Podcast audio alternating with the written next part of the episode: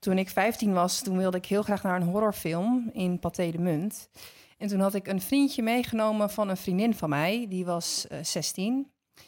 En daarmee wilden wij uh, als loophole graag naar de film. Uh, maar we werden alsnog uh, niet binnengelaten. En toen was ik heel erg verdrietig. En toen ben ik naar een Disney-film gegaan.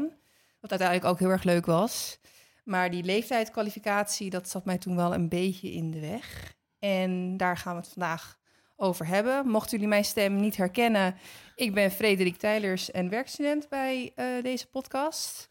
En um, ik ga door de Linda is zijn stem kwijt. Ja, oh, Linda is Linda. afwezig. Ja, hoe kan het nou dat je je stem kwijt bent? Heel erg zielig. We genieten altijd zo van je stemgeluid. Toch? Zo populaire ja. mening. Uh, WK vrouwenvoetbal is nog geen dag bezig en Linda is een stem kwijt. Ja, ik denk dat ze hard aan het gillen was bij Japan-Brazilië natuurlijk. Precies. Wat een hele spannende wedstrijd was.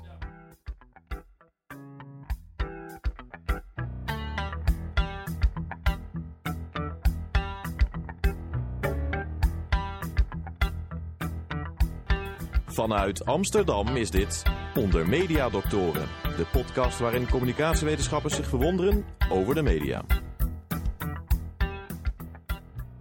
Maar wij gaan het vandaag dus hebben over leeftijdskwalificatie. Uh, specifieker de zin en onzin van leeftijdskwalificatie. Um, Vincent, ben jij ooit uh, ook in zo'n film gesneakt toen dat misschien niet mocht? Of... Nou ja, ik ben wel eens een keer in zo'n film gesneakt voor 16 jaar en ouder. En ik moet even, het was een of andere uh, hele gewelddadige film. Uh, straks, die Untouchables, zo heette die film. En ik weet nog wel dat ik met een vriendje daar naartoe ging. En er was een scène in waarin een man met een honkbalknuppel zo op zijn kop werd geslagen. En ze ging een beetje doorslaan. En dan zag je de bloedspatters over het witte tafelkleed gaan. Toen dacht ik wel, ik snap nu de leeftijdskwalificatie waarom ik hier niet zou mogen zijn. Maar het maakte mij niet heel erg angstig. Ik weet wel nog een keer dat ik echt als klein kind bij een tante op bezoek was. En ik weet, ik wil nog heel graag luisteren. Als u weet welke film het is, ik zou het zo graag willen weten. Want het was een film waarin mensen over een soort zandpad liepen. En er ontstond er een soort draaikolk, waardoor ze naar beneden gezogen werden. En in een soort onderaardse ruimte terechtkwamen met, ik denk, aliens of iets dergelijks. Iets Stargate of zo? Iets nee, maar ik, ik, ik denk dat deze film op televisie is uitgezonden in 1980. Uh, ongeveer op die. Dus ik zou heel graag willen weten, want daar heb ik nog wel eens nachtmerries over gehad, over die film. Oké. Okay. Uh, vandaag worden wij bijgestaan door uh, Maarten Racing, doctorandus mediastudies bij de UvA. Maarten, heb jij ook een, wel eens een... Echt wel eens bang geweest, Maarten? Nee, ja, dit soort, dit soort ervaring heb ik niet. Uh, wel met leeftijdskwalificaties te maken gehad. Met het enige wat ik heb meegemaakt, wat elke jongen heeft meegemaakt, natuurlijk, is dat je op je 15 naar je eerste pornofilm gaat. Ja, tenminste, dat was toen nog. De leeftijdscategorie was 18. Dus, dus, uh, maar in een bioscoop ging je daar? In een bioscoop, ja. Ja, zeker. maar, nee, maar dat is. Dat, ik, wij schelen enigszins van leeftijd, maar dat je. Nou, in een bioscoop. Ja, uh, dat was de enige plaats waar je dat kon zien. Ja. En je ging en in je eentje, neem ik aan. Nee, nee, nee, maar nee, je gaat met vrienden. Nee, nee. Oh, maar vertel eens het. Ja, we hebben een heel interessante sociale bezigheid dit. Maar dan werd je niet gecontroleerd bij de kassa? Blijkbaar niet genoeg. Nee. Want, want toen jij ging, hoe werd je dan afgewezen? Waarom moest je naar Disney? nou ja, dan uh, koop je je kaartje en dan staat er... Um, u, u, moet voor deze film 16 jaar en ouder zijn. En dan denk ik, oeh, ja, joe, En toen gingen we in de rij staan en toen werd er op ons uh, idee gevraagd. Oh, echt waar? Ja, en toen... Waarschijnlijk, er moet zeg maar een soort uh, een groter leeftijdsverschil zitten tussen de volwassenen die je begeleidt uh, en jijzelf. Dus zeg maar 16 en een groepje van meiden van 15 was dus niet goed genoeg.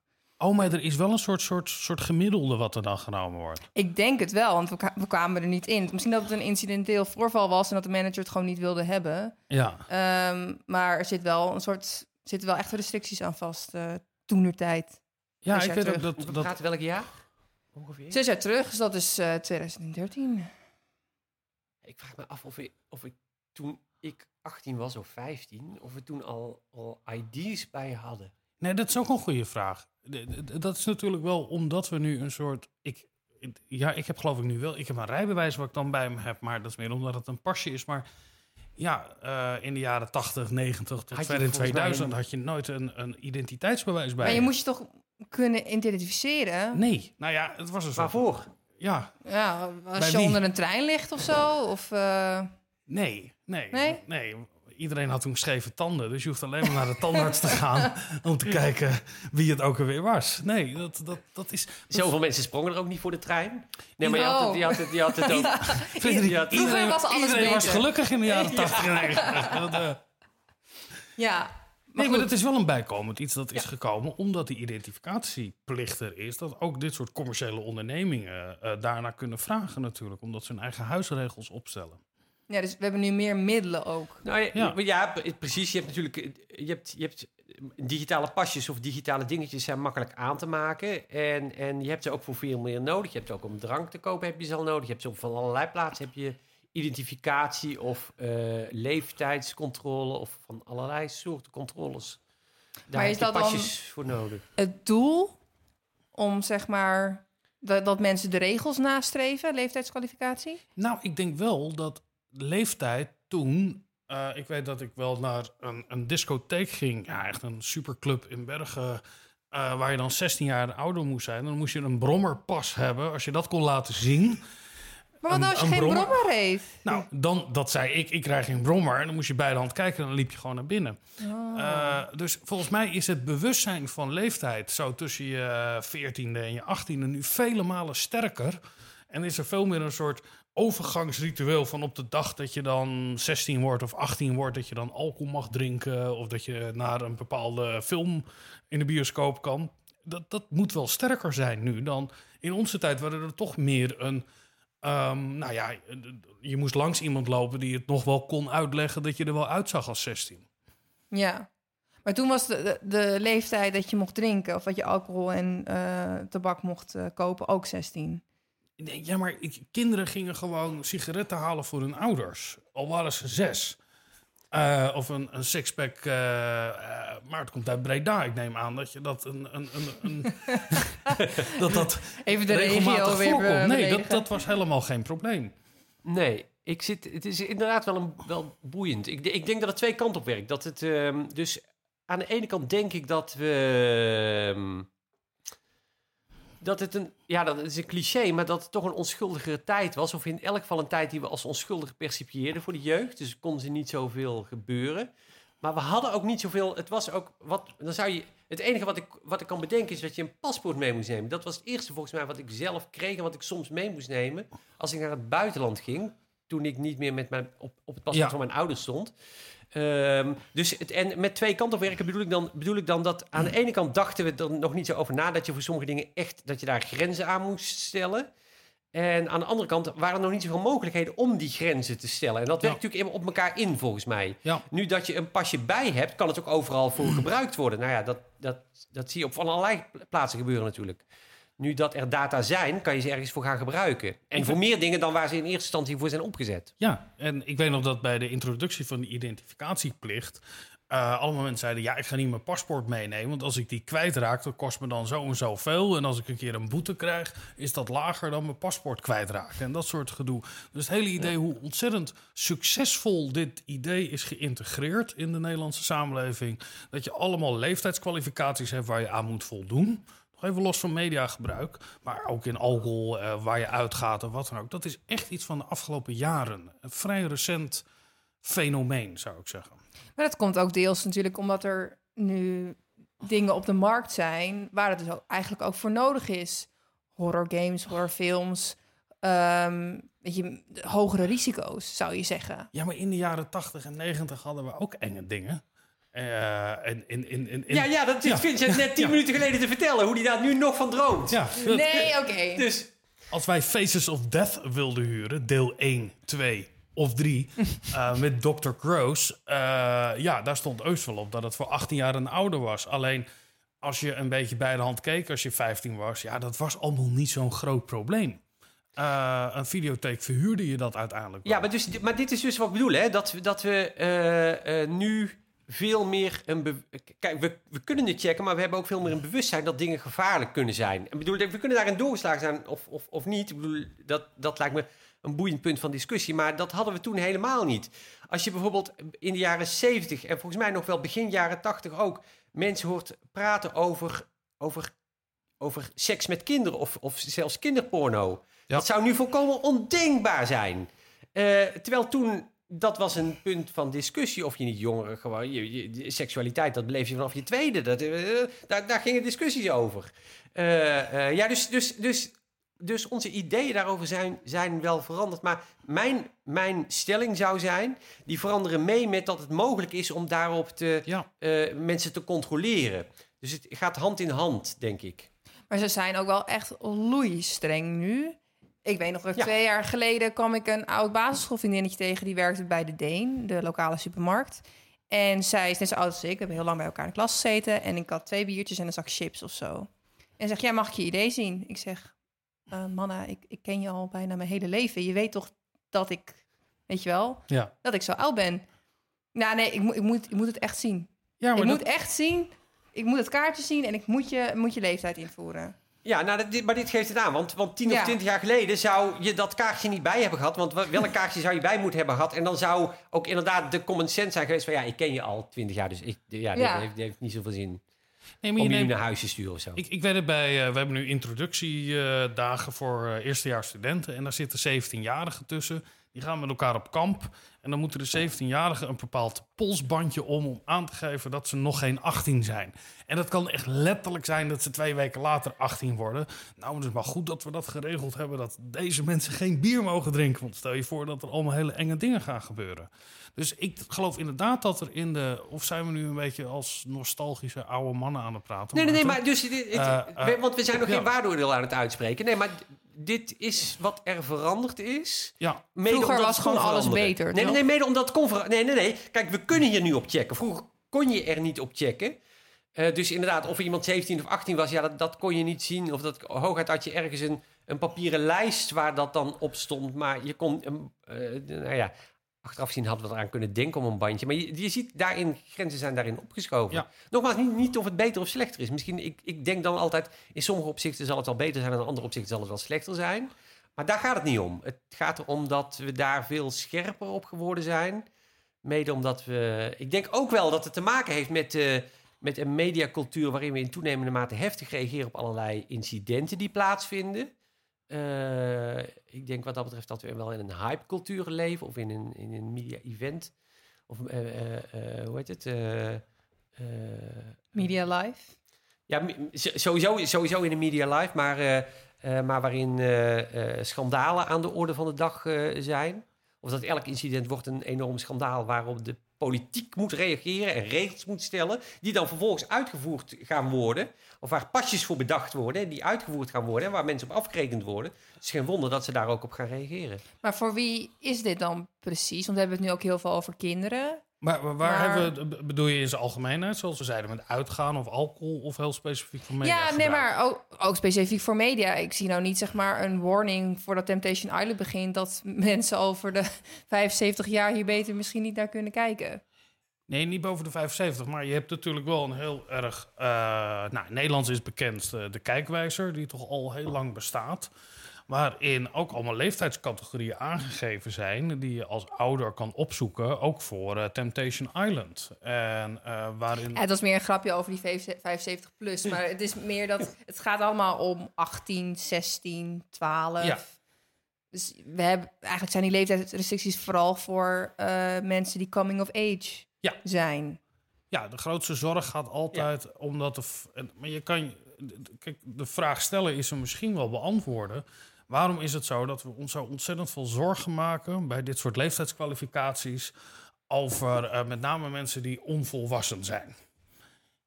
En ik denk dat het antwoord wat heel veel mensen zullen geven is omdat ze onvolwassen zijn. Dus omdat dat je, ze niet te vertrouwen zijn nog. nou, omdat die verantwoordelijkheid nog, nog ligt bij iemand anders, zolang je eh, niet volwassen bent. Dus dan moet je een systeem creëren waarin je die verantwoordelijkheid ook moet kunnen dragen. Maar dat systeem hangt dus ook weer af waar je bent. Eh, een jaar geleden mocht ik in Amerika nog niet uit of drinken. Maar hier doe ik dat wel elke week. Ja, maar als we even kijken naar dat, hoe dat kijkwijssysteem eh functioneert. Hè, als een van de belangrijkste eh, manieren van kwalificeren. Het is een systeem wat opgezet is eigenlijk onder druk van de politiek. waarin werd gezegd of wij gaan het doen En dan gaan wij een kwalificatiesysteem verzinnen waarin we alles gaan testen. eh, eh, of het moet een zelfregulering zijn. Dus de media-industrie, dus alle producenten en distributeurs, die gaan dat allemaal zelf doen. Nou, uiteindelijk is ervoor gekozen dat ze dat liever zelf wilden doen, dan dat ze dat een of andere overheidsinstantie eh, zouden laten doen.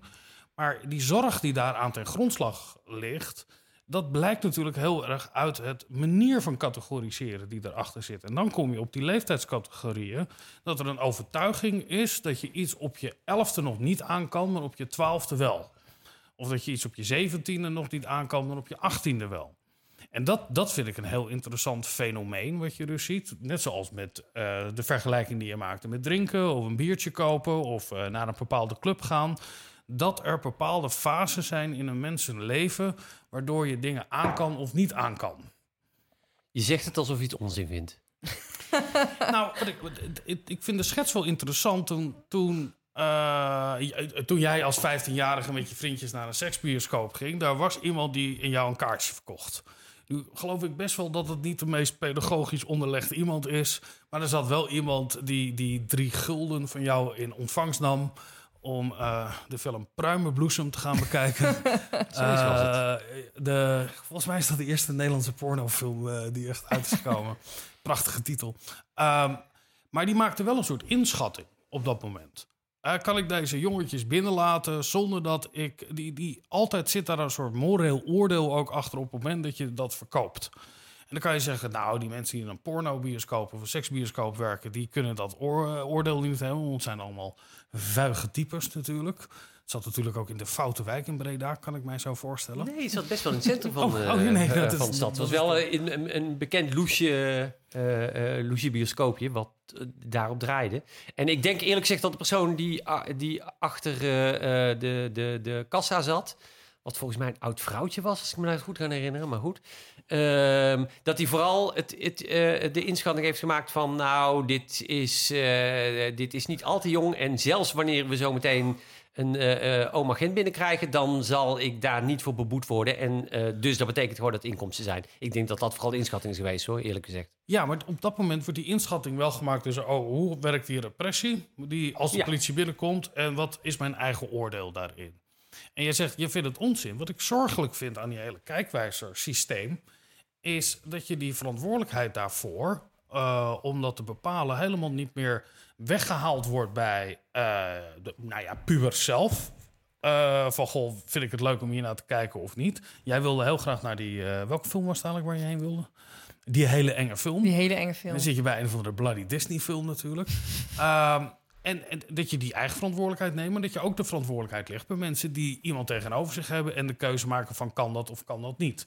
Dat is in een bioscoopsetting. eh, Maar die verantwoordelijkheid hoort eigenlijk bij de ouders te liggen. Waar waren jouw ou- ouders eigenlijk toen jij daarheen ging? Nee, je hoopt toch niet dat ze ouders meegingen? Nee, dat hoop ik met ook niet. naar een... eh, dat, eh, Maar ik kan me voorstellen dat als, als, als mijn, mijn broertje is nu 15, dat mijn moeder niet wil dat hij eh eventjes in het weekend naar, naar een seksbioscoop gaat. maar hoe, hoe houdt jouw moeder... laten we niet in details spreken... maar een moeder, zoals Ja? jouw moeder... met een zoon van 15...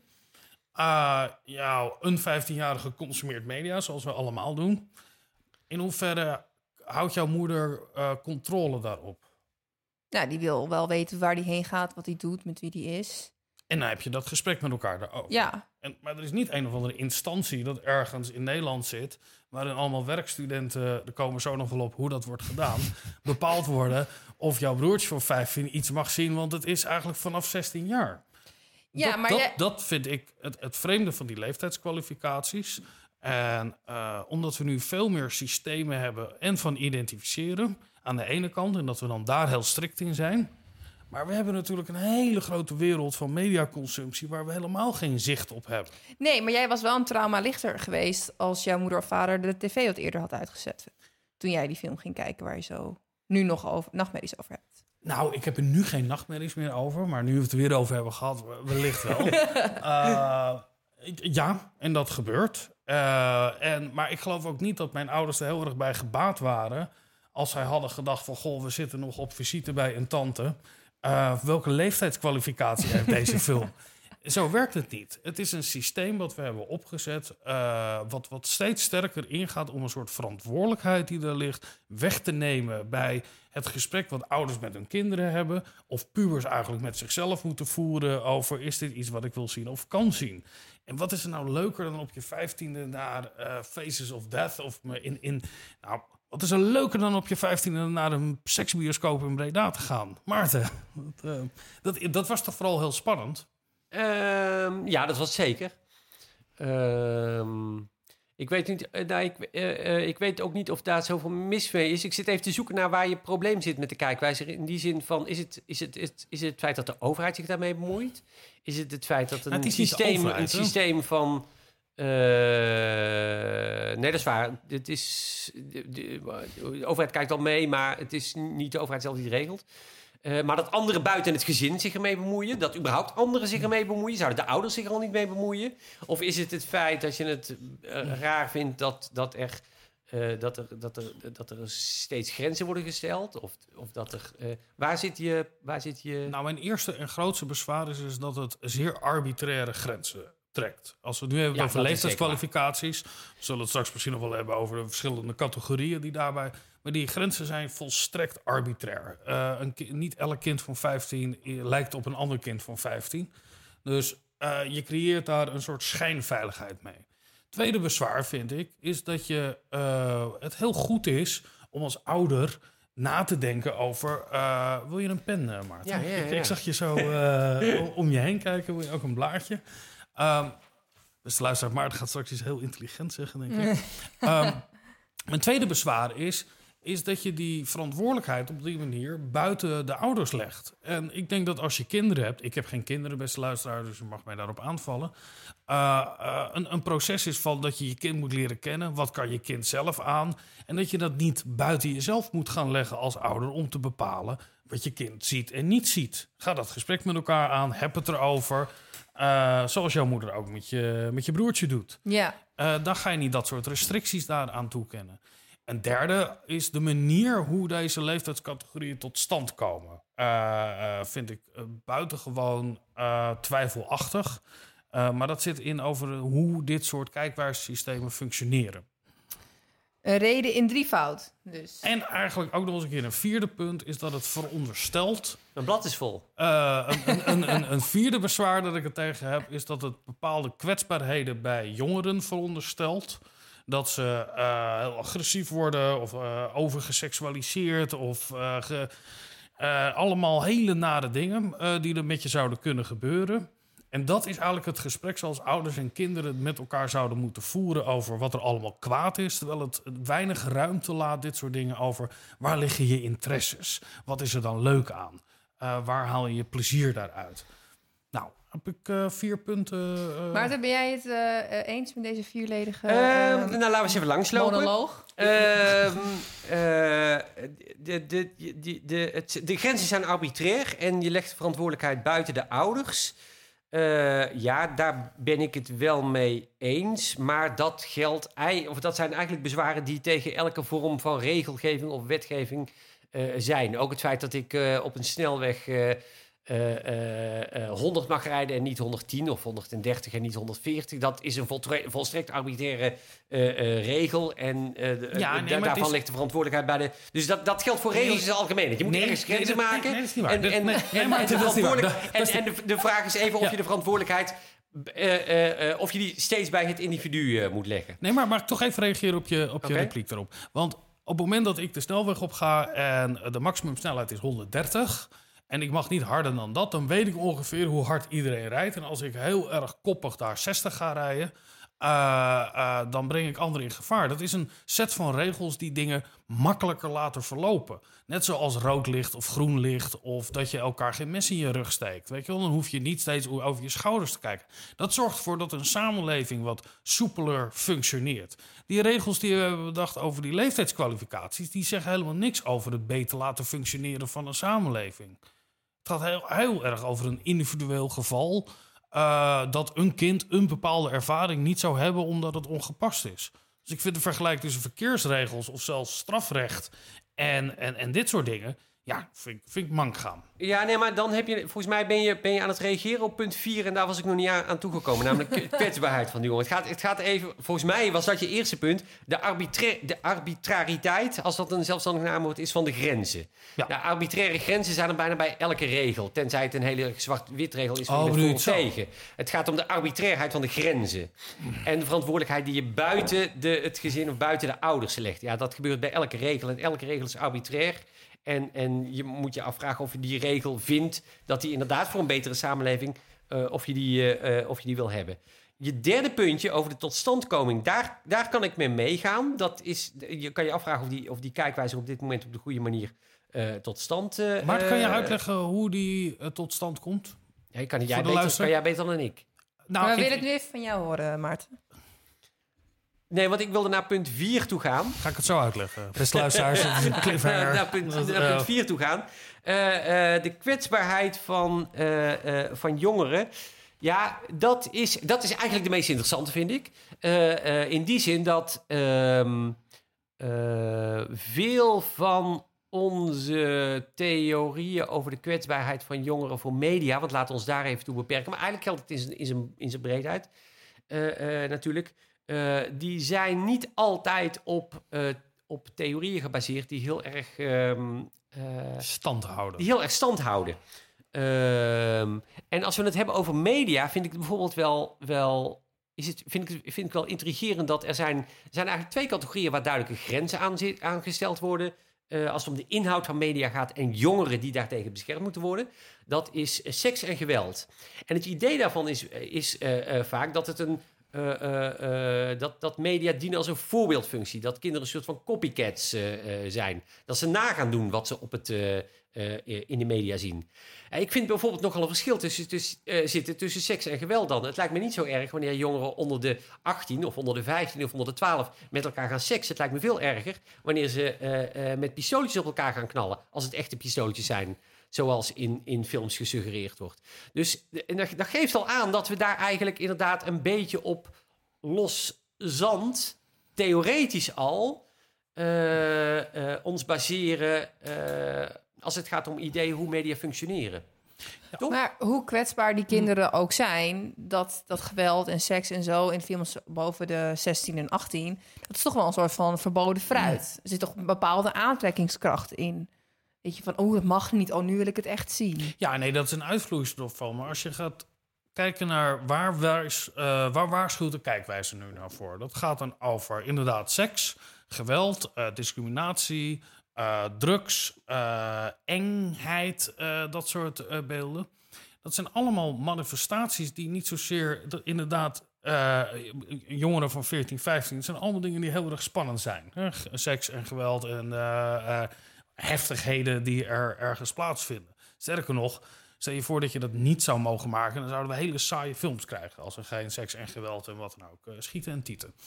Ehm, mijn punt is, is dat het juist deze categorieën veel meer zeggen over hoe wij de angsten die wij hebben in een samenleving, dat daar excessen in plaatsvinden, dan dat we ook maar iets weten dat of jongeren die daarna gaan kijken, ten eerste die beïnvloedbaarheid daar eh, eh, één op één is, zoals Maarten zegt, dat er een soort eh, injectienaaldachtig idee is van dat, dat je dat gaat overnemen, dat soort ideeën. We weten denk ik veel beter dat er bepaalde jongeren zijn die onder bepaalde omstandigheden bij bepaalde media-uitingen bepaald gedrag gaan vertonen. Zover zijn we ongeveer Ja. in de wetenschap dat dat in sommige gevallen plaatsvindt.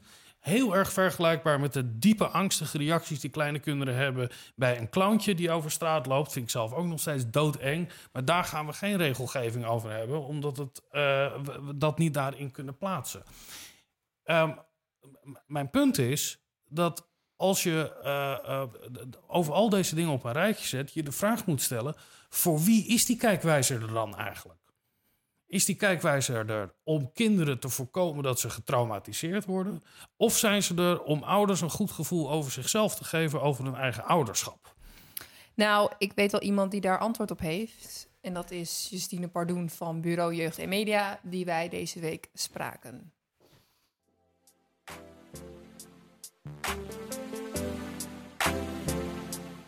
Ik ben Justine Pardoel. Ik ben verantwoordelijk voor mediaopvoeding.nl. En ik uh, leid ook Bureau Jeugd en Media. Ja, 2004 zijn wij begonnen met uh, Mijn Kind Online. Dus dat was, een, uh, ja, dat was toch wel een hele andere tijd. Um, internet was voor een kleine groep beschikbaar, kinderen. En bijvoorbeeld het feit dat nu alle kinderen soms op, op, in groep 6, dat is acht of negen jaar, al een smartphone hebben, dat is natuurlijk gewoon, was toen ondenkbaar. De eerste gevaren gingen meer over, uh, als het ging over het sociale, over contact met vreemden. Dat hadden ouders wel vrij snel door. Alleen um, waren ouders wel naïef in die zin dat als je een kinderwebsite had, of er, het was iets wat leek op een kinderwebsite, dan gingen ze ervan uit dat dat gemaakt was door professionals die media maken voor kinderen, zoals dat ook met televisie en tijdschrift het geval was. Dus ze gingen er automatisch van uit dat dat wel goed zat. Uh, als je naar de NPO kijkt of naar andere uh, televisiekanalen waar een kinderprogramma werd uitgezonden, of een kindertijdschrift, wat er een beetje uitzag alsof het voor kinderen gemaakt was, dan, dan gingen consumenten, ouders, er eigenlijk voetstoots van uit dat het ook um, door professionals gemaakt was, die rekening houden met, uh, met allerlei dingen in de ontwikkeling van kinderen. En dat het dus kwaliteit had op een bepaalde manier. En het feit dat er nu ineens online iedereen een kinderwebsite kon maken, dat was natuurlijk volledig nieuw. En dat je daar uh, eerst eens over moet gaan nadenken: wie maken die sites eigenlijk? Wie zijn daar verantwoordelijk? Hoe nemen ze hun verantwoordelijkheid? Wat, wat doen ze met al die kinderen online? Want dat is dan ook ineens een wisselwerking, veel meer dan met televisie of met een tijdschrift. Ja, dat was totaal nieuw dat je daarover moest gaan nadenken. Dus er gebeurden ook hele rare dingen. dus dat een site die eruit zag alsof hij voor kinderen gemaakt was, helemaal niet goede kwaliteit had. Of dat kinderen ineens een site gingen kapen die helemaal niet voor kinderen bedoeld was, zoals CU2. Dat was een website die was gemaakt voor de homo-dating scene. En ineens zaten daar allemaal kinderen. En die makers die hebben dus heel lang bedacht van... ja, maar dat is niet, uh, die willen wij niet, die kinderen. Dus wij doen net alsof ze er niet zijn. Terwijl wij toen al zeiden, vanuit Mijn Kind Online... van ja, maar dat, zo kan je daar niet mee omgaan. Als je ziet dat, dat kinderen jouw bezoekers zijn... of jonge tieners waren dat in, in dat geval... dan moet je daar rekening mee houden. Dan moet je je verantwoordelijkheid nemen. Maar zelfs met huis was dat zo in het begin huis werd gemaakt door, voor uh, volwassenen. Om uh, uh, contact te leggen. En ze waren dus ook heel blij dat Balkenende op huis ging en zo. En dat daar ook allerlei tieners zaten. Ja, daar wilden ze gewoon niets van weten. Dus ze wilden met ons ook helemaal niet in gesprek over hoe je dat op een veilige manier kon doen. Bijvoorbeeld door de profielen standaard um, um, op slot te zetten. En dat je dan dat een kind iets moet doen, of een willekeurige bezoeker iets moet doen om het openbaar te zetten. Nou, daar wilden ze echt niet van weten, want dat ging natuurlijk helemaal in tegen uh, zo snel mogelijk, zoveel mogelijk mensen een profiel laten aanmaken. Vragen over Facebook komen eigenlijk niet meer voor. Dat is sinds een jaar of twee, drie is dat eigenlijk afgelopen als het gaat om kinderen. Um, ouders zitten zelf namelijk veel op Facebook. En als ze dus hun jonge kind een Facebookpagina laten aanmaken, bijvoorbeeld om met familie in het buitenland contact te kunnen hebben of zo, dan begeleiden ze dat heel goed. Dus die weten goed hoe je dat stap voor stap zelf moet introduceren. Maar bijvoorbeeld, uh, ja, ik had van de week nog een mevrouw die zei: uh, Mijn kind is negen en die heeft nou een smartphone en ze wil op Snapchat. Maar eigenlijk vind ik dat, er, dat ik dat nog niet uh, geschikt vind. Maar is er niet een andere app die wel voor kinderen gemaakt wordt? Ja, en dan moeten we er teleurstellen. Zij wil waarschijnlijk een smartphone om op Snapchat te kunnen, omdat al haar klasgenoten op Snapchat zitten. En dat is niet een app die speciaal voor kinderen gemaakt is. Maar een, een andere app die wel speciaal voor kinderen gemaakt is, die wordt dan niet gebruikt. Of is net zo gevaarlijk.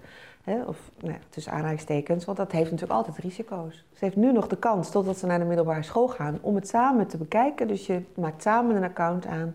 Je zet samen uh, het al of niet de privacyinstellingen bepaal je. Dan kan je ook goed meekijken. Je kan afspreken met een negenjarige luister. Het mag eigenlijk pas vanaf 13 jaar. Dus die tijd tot 13 ga ik dat samen met jou doen. En moet ik je wachtwoord weten. En als het nodig is, kijk ik met je mee. En ik wil van iedereen, één keer in zoveel tijd, gewoon weten van iedereen wie jij volgt en wie jou volgt, wie dat is. En als dat allemaal vreemden blijken te zijn, ja, dan ga ik daar uh, paal en perk aan stellen. Het is heel normaal dat je voor kinderen van negen uh, beschermende grenzen aanbrengt. En natuurlijk zitten kinderen erop te wachten om te leren hoe het moet. Kinderen zitten er niet op te wachten om in grote vrijheid um, geen begrenzing te voelen, want dat geeft ook onveiligheid.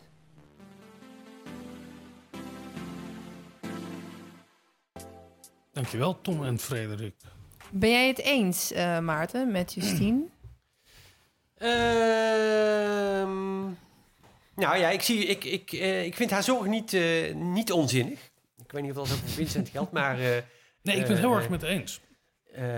maar maar um, het, het grote probleem is, ze begint, ze begint volgens mij niet aan de kant waar het, waar het grote probleem zit. Namelijk dat er allemaal dingen worden gemaakt die niet voor kinderen bedoeld zijn of die, die potentieel gevaarlijk zijn of slecht zijn voor, uh, voor kinderen. Het probleem is dat kinderen overal onbeperkt toegang toe hebben.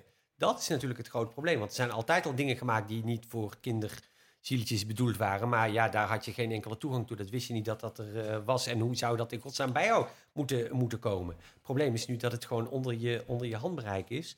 En, en, en dan zijn volgens mij de, de secundaire problemen is dat er, dat er dan uh, wel degelijk meer product gemaakt wordt in, in, de, in de vorm van, websites die op kinderen gericht zijn op een manier die je soms misschien of niet zou willen, of die sommige ouders misschien uh, niet zou willen. En een tweede bijkomend probleem is dat, je ziet dat ook voor een deel al terugkomen hier, is dat de ouders vaak op achterstand staan, dat die vaak beter, uh, uh, nog minder toegang hebben tot, tot het internet of tot al die sites dan, dan hun kinderen. het probleem is dat kinderen toegang hebben tot de hele wereld. Dat is volgens mij de kern van het probleem. Nou, waar ik het heel erg met de eens ben, is dat de veronderstelling dat je door middel van wat zij autoritaire restricties noemt, weet je, wel, je mag het gewoon niet, je moet erbij wegblijven, dat dat uiteindelijk niet werkt. Uh, en dat werkt met name niet omdat we nu in zo'n situatie zitten, heden ten dagen, met een soort omnipresentie van media en de toegankelijkheid van alles. Uh, dat werkte misschien twintig jaar geleden wel, maar nu in ieder geval een heel stuk minder. Dus je moet kinderen begeleiden daarin. En je moet ze dan, uh, wat we tegenwoordig mediawijs noemen, om zelf die selectie te maken over wat past bij mij en wat past niet bij mij. Is dat nou weer het schuld van het internet? Hoor ik je dat nou zeggen? Of, uh... Nee, maar de technologische mogelijkheden die er zijn, maken de vragen, de opvoedvragen, maken natuurlijk wel wezenlijk anders. Het is niet schuld van het internet, maar dat een Hive eh, de profielen niet allemaal op publiek wil zetten, ja, dat snap ik ook wel. Wat ik, wat ik wonderlijker vind in haar standpunt is dat ze een onderscheid maakt tussen kwaliteit en geen kwaliteit. Of, uh, en dat het een, een, soort zichtbaar zou moeten zijn. Um, op het moment dat internet er kwam, ze schetsen die situatie, kwamen er allemaal dingen voor kinderen die er eerst niet waren. Ik denk toch dat er historisch gezien wel een ander moment is geweest. Uh, nou, Maarten weet dat ook nog wel, dat we de, de kabel kregen. En dat er opeens ook kindertelevisie kwam wat niet van de publieke omroep was. En de kindertelevisie van de publieke omroep was er natuurlijk in eerste instantie op gericht om ons allemaal te verheffen en tot betere mensen te maken. En, dat was zelfs Disney nog wel, uh, gezegd. ja, en, en zelfs de... toen kregen we SpongeBob. En, en, zelfs de Tros uh, was daar nog wel uh, gevoelig voor, voor dat soort argumenten. Maar toen kregen we gewoon uh, de, uh, de DJ Cat Show met Linda de Mol en Inspector Gadget en allemaal ja, dat was natuurlijk heel erg zorgelijk. Dat er schijnbaar zoiets gemaakt werd voor kinderen... wat helemaal niet tot doel had. Transformers schiet me nu te binnen. Dat, om kinderen tot, tot leukere mensen te maken ik, ik denk dat het ook toen was het niet zozeer. Toen kon je nog zeggen als ouder: Nou, jij mag gewoon niet daarnaar kijken. Uh, ja. Ik groeide op waarin mensen uit mijn klas. Kijk nu ook naar Marijn, uh, onze medewerker hier. Die, uh, we hebben het eerlijk gezegd uit dezelfde contraille komt. Dat je drie televisieprogramma's per week mocht aankruisen. in de radiobode. die je dan mocht zien die week. Kijk, dat kon werken omdat die restrictie er was. Uh, of omdat die technische mogelijkheden er. Nou, technische mogelijkheden. Je vader zette gewoon de televisie uit. Dat is natuurlijk een heel andere omstandigheid. En er was maar één televisie. Kortom, wat je dus je bent het met me eens. Ik, de, de, de, toegang is gewoon uh, het Nou, waar we eerst... Het punt geworden waardoor Ja. het niet meer werkt. Precies. En eh, waar we in... eh, een- ja, we konden vroeger nog hardere eh, een soort... Ik vergelijk het wel eens met seksvoorlichting. Je kan heel lang blijven roepen tegen mensen... je moet het gewoon niet doen. Je moet geen seks gaan hebben, want je, doe het niet. Dat werkt tot op een bepaalde leeftijd. eh, zijn kinderen daarvoor ontvankelijk. Maar op een gegeven moment, hoe streng en hoe christelijk... of wat dan ook overtuiging je hebt... op een gegeven moment gaan kinderen daar toch eh, mee experimenteren... of jongvolwassenen. En dan is het maar beter dat je er iets van af weet... hoe het werkt... dan dat je dat alleen maar als verbod gaat opbrengen. Dus ook in lijn met wat Justine zegt, terug te komen, die kijkwijze of leeftijdskwalificaties, dat is een manier van denken van nog drie weken en dan mag je wel naar die film. Of volgend jaar mag je dat soort films kijken. Terwijl eh, dat natuurlijk helemaal niet dat gesprek op gang brengt. Het brengt helemaal niet bij eh jongvolwassenen de mogelijkheid op om na te denken over... is het wel eigenlijk iets voor mij eh, eh, om te bekijken? Of heb ik hier een rotgevoel over? En waarom heb ik hier een rotgevoel over? Maar heb jij liever dan dat elk gezin een soort van voorlichtingspakket thuis krijgt met, eh, met die categorieën en hoe en wat? Of is er een alternatief? Het, het- nou, het, het, grote alternatief. Nee, er is geen alternatief. We zitten in een wereld waarin deze media-uitingen al ontegenwoordig zijn. Dat die heel erg toegankelijk zijn. Dus het, ik snap heus wel dat het voor ouders een veel grotere opdracht is dan vroeger. om dit aspect van het leven van kinderen in te begeleiden. Eh, dat is een moeilijkheid. Eh, maar dat, dat voorkom je niet door daar allemaal verbodens en plakkers met leeftijd op te gaan plakken. Dus ik denk wel degelijk dat eh, het alternatief zou moeten zijn om dat gesprek te voeren. Net zoals dat je doet op het moment dat jij als kind voor het eerst het verkeer ingaat en op de fiets stapt. Dan moet je ook weten hoe het werkt. Dan kan je ook wel, eh, eh, je moet ook verkeersregels weten. Je moet je het kunnen handhaven, ook met je vriendjes en je vriendinnetjes, hoe je dat doet. Die media-uitingen zijn een volstrekt integraal onderdeel geworden van het dagelijks leven. En als ouder heb je dezelfde verantwoordelijkheid om je kind erin te begeleiden als in het sociale verkeer, als in het eh, als je op de fiets ergens naartoe gaat of of nou Maarten, nee, eh, we moeten het gewoon maar afschaffen, Nee, hoor nee, nee. Of, eh, Vin- Vincent geeft eigenlijk de perfecte reden wat de zin is van de kijkwijzer. Ironisch genoeg. Eh, eh, en, dat, en, dat, en dat doet hij door de, de hele zinnige vergelijking te maken met het verkeer. Eh, het, zou, het zou even onzinnig zijn om morgen alle snelheidsbeperkingen eh, eh, af te schaffen. Niet dat iedereen zich daar meteen aan houdt. eh, maar het is voor veel mensen ook een begin van erover nadenken en een begin van een gesprek. Dus je wil, die, die kijkwijze, daar houden sommige mensen zich natuurlijk helemaal niet aan. Dat moeten ze ook niet per se altijd. Want inderdaad, het is een hele generieke maatregel. En we hebben het al eerder in dit gesprek gehad over de arbitrairheid en het niet werken van generieke maatregelen. Maar toch, je kan niet anders dan die zo stellen. En je moet ze zien als een begin. Ik denk dat voor veel ouders, nou, voor sommige ouders is het überhaupt is het een, is het denk ik een handvat. En voor andere ouders die het niet als handvat willen zien, is het toch een begin van een discussie. Van dit is de reden waarom ze dat zo gemaakt hebben. Natuurlijk mag jij dat wel. Of nee, dit is de reden waarom ze dat zo gemaakt hebben. En dat is de reden waarom jij het ook niet mag. Het is een, volgens mij gewoon, je moet het zien als, en ik denk ook dat de meeste ouders het zo gebruiken, als het begin van een discussie. Die juist die om die reden een functie, eh, om die reden nut heeft. Ik, ik zou bijna geneigd zijn je een klein beetje gelijk te geven. Waren het niet dat de kijkwijze gebaseerd, dan hebben we nog niet benoemd, over hoe komen dan die leeftijdscategorieën tot stand. En dat wordt door middel van het invullen van vragenlijsten gedaan door werkstudenten, waarin geturfd wordt hoe snel of hoe vaak een bepaalde gewelddadige, seksuele, discriminerende drugsgebruikhandeling plaatsvindt. Want we moeten het op een kwantitatieve manier duiden. Als jij eh, zou voorstellen, laten we een groepsgesprek hebben met kinderen en ouders die met elkaar bespreken na een film te hebben gekeken. Voor wie is dit leuk? Voor wie is dit, niet leuk? En daar verzinnen we een soort coderingssysteempje voor en dat zet je achterop. eh, of dat, dat, dat eh, krijg je te zien bij een film. Hartstikke leuk, maar wel op een kwalitatieve manier. En niet op een tellen en turven manier. Eh, ja, dat ben, dat ben ik in, in, in de kern van de zaak ben ik dat met je eens. Laten we zeggen, op theoretisch niveau ben ik dat natuurlijk met je eens. Dit is het probleem van media. Dit is het probleem tot en met de dag van vandaag... waar eh, techgiganten als, als Facebook ook, als ze het wel goed bedoelen, mee zitten. Van hoe, hoe, hoe, hoe interpreteer je bepaalde culturele uitingen? En nog los van het feit natuurlijk dat zelfs als je daar al een goede code aan zou kunnen hangen, eh, eh, in zijn algemeenheid, dat die toch voor iedereen individueel weer anders is. Wat voor de ene haatdragend is, is het voor de andere helemaal niet. Wat voor de een grappig is, is het voor de andere helemaal niet. Wat voor de ene kind chockerend is, is het voor de andere helemaal niet. Eh, dus ja, ik ben het daar in de kern van de zaak ben ik het daar helemaal mee eens. Alleen, dan kom ik terug op het eerste punt van de arbitrairheid ervan. Je kan geen regels stellen zonder dat je arbitraire, een, een arbitraire codering moet toepast. Eh, dat is het nadeel van regels. Maar om dan meteen alle regels overboord te zetten, dat lijkt mij het andere uiterste. Ik ben het helemaal met je eens als het, als het om de fundamentele eh, eh, beperking van regels gaat. Ja, maar kijk, het 110 of 120 rijden op de snelweg, dat is arbitrair. Je trekt ergens een grens. Maar één blote tiet, twee blote tiet, drie blote tiet, dat is seks. Dat is niet arbitrair meer. Dat gaat gewoon volledig voorbij aan de, aan, aan de culturele context waarin een bepaalde scène of scènes worden weergegeven. En daarmee ook de manier hoe kinderen daar betekenis aan geven.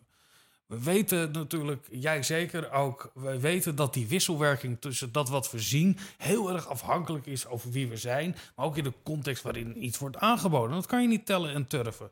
Dus 110, 120 op de snelweg, dat is arbitrair. Maar een codering maken op basis van tellen en turven, wat volledig voorbij gaat aan wat, er, wat de inhoud is, ja, dat vind ik, die, Maar die vergelijking ga ik niet mee akkoord. Vincent, stel we doen het even zoals jij dat nu voorstelt. Maar wat verandert er dan precies als wij allemaal 140 gaan rijden?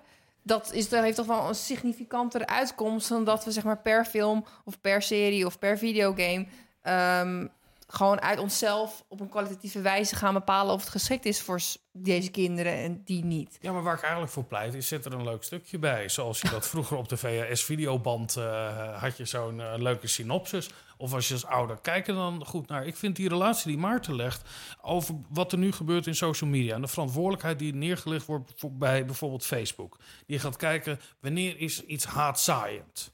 Ik vind dat een hele angstige ontwikkeling. Dat er nu een niet-gouvernementele organisatie, zoals Facebook eh, is, gewoon een commerciële onderneming, gaat bepalen wat goed voor mij is, wat haatzaaiend is. En dan kan je zeggen, nou, dan is de kijkwijze misschien nog wel een iets mildere vorm die daaraan vooraf gaat. Maar daarna komen we natuurlijk gewoon dat we het nooit meer te zien krijgen. En kunnen we straks, als die technologie zich zo ver ontwikkelt, op het moment dat jij inlogt. En ik weet dat er eh, een aantal jaren geleden eh, was er een soort alternatief internet. Wat gerund werd door christenen. En die gingen dan bepalen welke websites daar wel op konden en welke niet. De EO zat daarachter. Dat is ook natuurlijk weer een, eh, een, een, een, een, een kleine dood gestorven. Kleine dood? Een, wat voor dood? Zachte dood. Een zachte dood gestorven. Ehm, dus waar ik bang voor ben, is als je dit denken doorzet van de kijkwijzer, dan kom je met de technologische middelen die er zijn, kom je straks op een niveau dat je het als kind ook daadwerkelijk niet meer te zien krijgt. Dus de, de kijkwijzer is een verwerpelijk systeem. Niet omdat het zoals het nu functioneert, maar dat het denken wat er aan ten grondslag ligt wel eens veel heftiger vorm zouden kunnen Nee, hebben. nee, nee, want het verschil... Het, het- nu trek je de parallel weer net te ver door. Altijd jouw probleem, hè?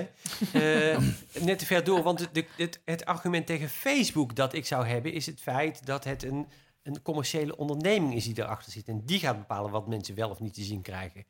Eh, de kijkwijzer is weliswaar... Dat, ik bedoel, dat, daar kan, dus ik heb al eerder gezegd van... de manier waarop de kijkwijzer tot stand komt... daar kan je je, je, eh, vragen bij, bij zetten. Eh, maar het is in elk geval een onafhankelijke organisatie die niet, eh,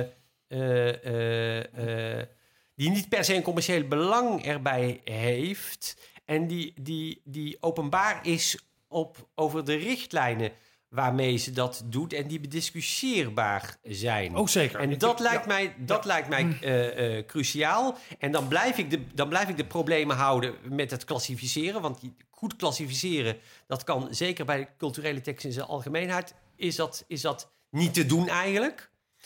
Ehm, maar ja, eigenlijk wat, wat, wat Frederik ook al in haar vraag probeerde te zeggen... en ik zal het wat anders stellen. Van, stel dat je het eens bent met je zou regels willen hebben... eh, eh, hoe zou je dan gaan klassificeren? Hoe zou je het anders willen doen dan de kijkcijfer, eh, dan, dan de kijkwijzer het, het, het doet? Nou, ik vraag me Je heel moet erg... daar een systeem voor hebben. Ik, ik ben niet voor Zelfs al regels. ga, je, al ga je die korte tekstjes die je ooit achter op de videobanden korte recensies hebt, dan moet je daar, ja, je wil daar toch een, een, een richtlijnen voor hebben of helemaal niet. Nee, ik ben tegen richtlijnen. Je, bent, je, bent, je bent tegen het systeem wat we nu gewoon op een website hebben van iedere consument die doet maar een review of zo. Ja, ik vind dat er veel. Dan lig je de verantwoordelijkheid ook bij de ouders eh, neer. Eh, om daar. Kijk, er is genoeg informatie te vinden als je een film wil gaan kijken. om te bepalen over of het geschikt is. of voor wie het gemaakt is. of wat daarin zit. Ehm, het huidige systeem wat we hebben. zou in het ergste geval ertoe kunnen leiden. dat er andere technologische systemen in werking gaan treden. waardoor kinderen dat nooit meer te zien krijgen.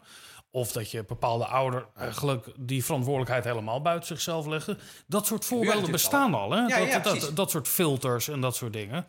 Eh, dus ik vind die huidige systeem te veel leiden naar uiteindelijk een, een vorm eh, die nog minder wenselijk is. Maar Vincent, wat nou als je eh, hele slechte ouders hebt... of in het ergste geval geen ouders? Ja. Waar ligt die verantwoordelijkheid dan? Nou ja, als je geen ouders in Nederland hebt, dan heb je in de regel altijd nog wel een voogd of iets Ja, dergelijks. nee, Eh, oké, eh, maar ja, maar als waar- slechte ouders hebt, die kijken ook niet op kijkwijzer.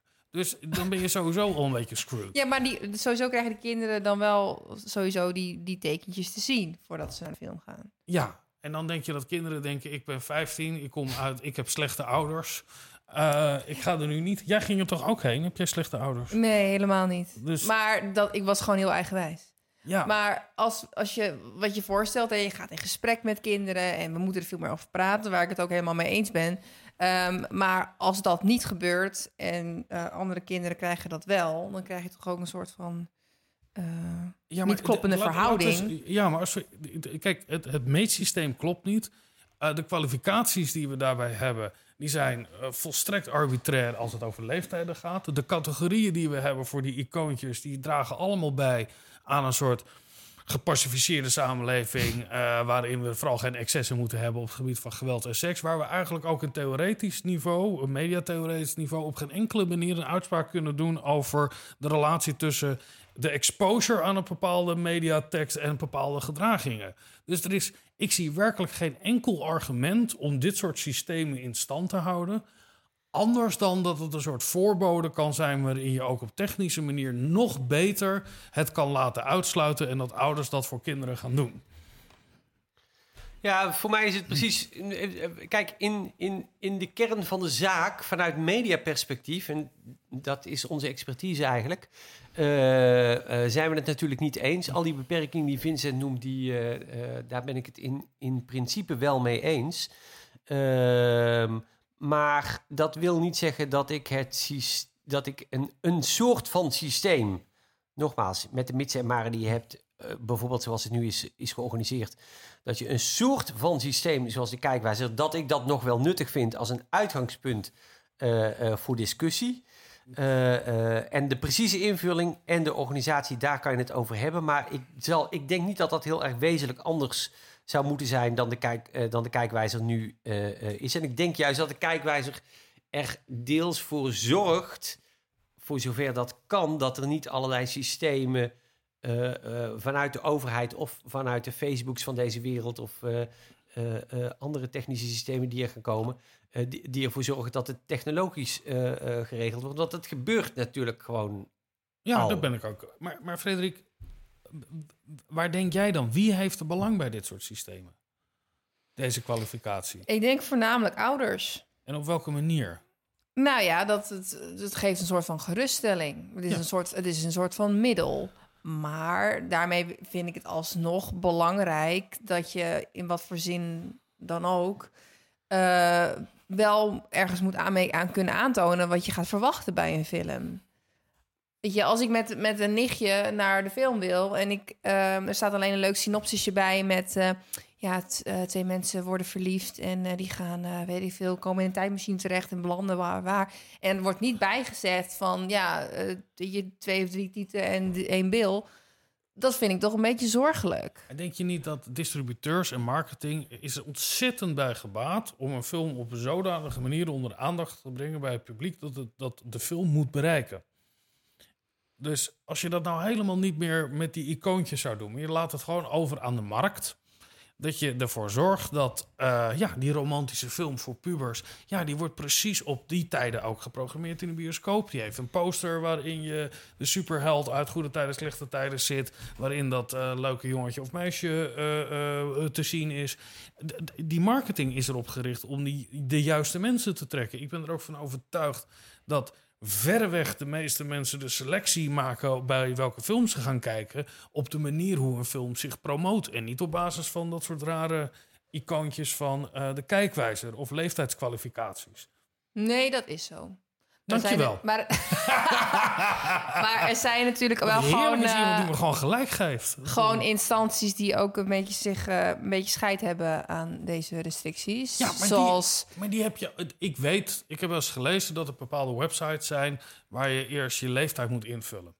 Maar grapje. Op porno-sites moet je toch. eh, heb je van die sites waarin je dan je leeftijd moet invullen? Ik vraag me altijd af: zijn er nou echt mensen die dat echt doen? hun, hun, hun juiste leeftijd? Ja, dan krijg je dat soort systemen. waarin iemand waar je de verantwoordelijkheid legt bij degene. Want dat is ook een schijnsysteem natuurlijk.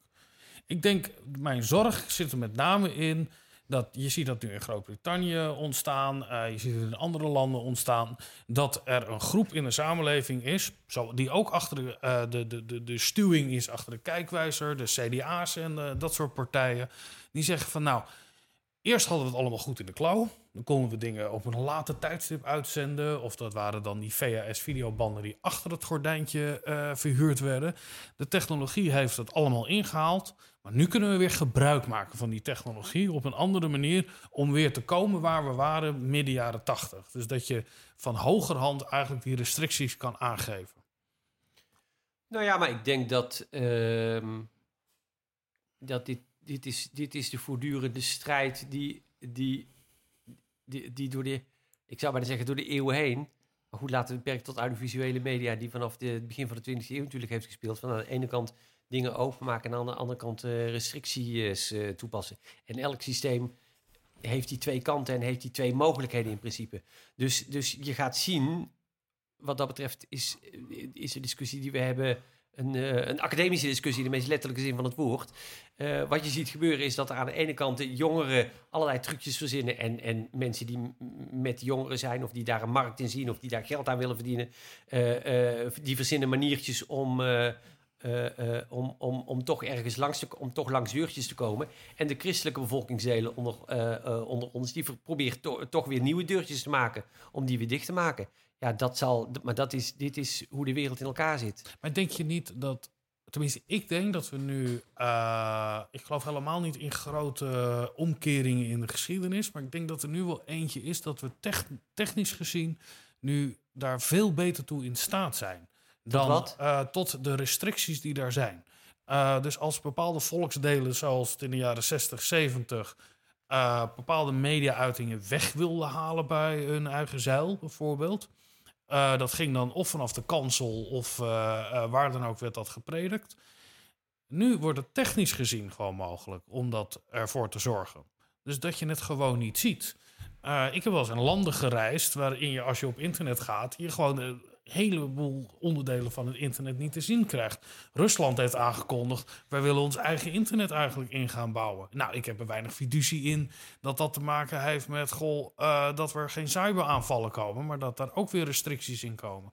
Dus dat het denken wat erachter schuil gaat, van het kwalificeren van media voor het geschikt of ongeschikt laten zijn voor mensen, dat het idee over wat discriminatie bijvoorbeeld zou moeten zijn, of eh, misschien komt er nog wel een icoontje bij over, eh, draagt het nog wel bij aan eh, volk en vaderland, Eh, is het wel boreaal, het icoontje, dat met die nieuwe technologie dat zo veel beter uitgevoerd kan worden, dat je eigenlijk moet afvragen, moeten we het hele systeem van kwalificeren niet ter sprake stellen? Maarten kijkt nu heel zorgelijk diep eh, de Ja, kamer nee, in. nee, ja, nee, nee, je kijkt, ik kijk niet zo zorgelijk, want daar, daar maak ik mij dan toch weer wat minder z- zorgen om dan Vincent. Nee, ik zie het, ik zie het voortdurend als een, als een strijd die, die voortdurend heen en weer golft naar de ene kant en naar de Dat, andere dat kant. heb ik ook lang gedacht. Maar ik denk dat we nu in een andere fase terechtkomen dat het geen golfbeweging meer is. Dus zoals jij het schetst van, goh, we maken wat restricties. Dan heb je een andere beweging, we gaan anders denken. Eh, of het wordt technisch gezien weer onmogelijk. Dus dat die golfbeweging doorbroken wordt, omdat de voorwaarden, of nou ja, over hoe media nu gemaakt worden en gedistribueerd, zo wezenlijk anders is dan, eh, nou, laten we zeggen, 20 jaar geleden, dat deze restricties ook echt mogelijk worden. Het is één grote natte droom van, nou ja, laat ik geen. Ja, ja dus nou laat ik, maar laat ik hem even proberen concreet te maken en, en even kijken hoe ver je ideeën of hoe ver je, je dystopische ideeën daarin gaan. Eh, eh, dat betekent dus dat, dat je denkt dat we over, laten we zeggen, vijf jaar of zo, eh, dat de regering onder leiding van eh Thierry Baudet, die vindt dat we terug moeten naar oude normen en waarden, dan zover is dat ze vanuit de overheid kunnen regelen dat jij als jongetje van 15 op geen enkele manier meer toegang eh, kunt vinden tot één enkele tiet die je zou willen zien voor je 16e verjaardag. Ik denk dat het Je nog denkt erg... dat dat. Nee, ik denk dat, dat nog gaat erg, lukken. Ik denk dat het nog erger is. Ik denk dat het technologisch mogelijk wordt dat je als ouder de verantwoordelijkheid krijgt dat je een aantal dingetjes kan aanklikken van wat mogen mijn kinderen wel zien en wat mogen ze niet zien. Dus het is niet de overheid die het bepaalt. Het is de technologisch wordt het mogelijk en het wordt ook ondersteund vanuit de overheid eh, om dat mogelijk te maken. Waardoor je als ouder zelf die verantwoordelijkheid moet gaan nemen over wat krijgen mijn kinderen te zien. En dan denk jij niet dat ik als jongetje van 15 niet manieren ga zoeken en ga vinden om daar onderuit te komen. Dat hoop ik echt. Dat hoop ik dat die, Voordat, cyber, eh, die cyberpunk war dan eh, alsnog uitbreekt. Voordat we op de anarchistische en te- technological deterministic conclusies komen van deze aflevering, gaan we nog even kijken naar eh, een itempje over eh, media die wel door die eh, restricties heen komen.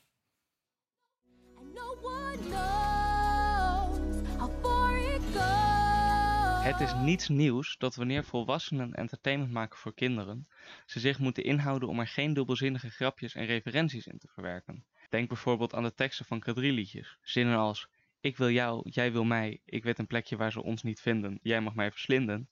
En Doe het heel zachtjes, geen kreetjes, geen lachjes, zullen op volwassenen toch heel anders overkomen dan op kinderen. Gelukkig kun je kinderen altijd nog veilig laten kijken naar de animatiefilms van Disney. Als er iets onschuldig is, zijn het wel klassiekers als De Leeuwenkoning, Aladdin en De Kleine Zeemeermin. Toch? Dat is nog maar de vraag. Al jaren gaan er lijstjes het internet over met allemaal dubieuze teksten en beelden uit Disney-films. Van de beroemde scène uit De Leeuwenkoning, waarin de lucht het woord seks gespeld werd, de trouwscène in De Kleine Zeemermin, waarin de trouwambtenaar ineens een heel dubieuze bobbel in zijn broek had, en het moment in Aladdin, waarin Raja tegen Jasmine lijkt te zeggen: Take off your clothes. Oordeel zelf.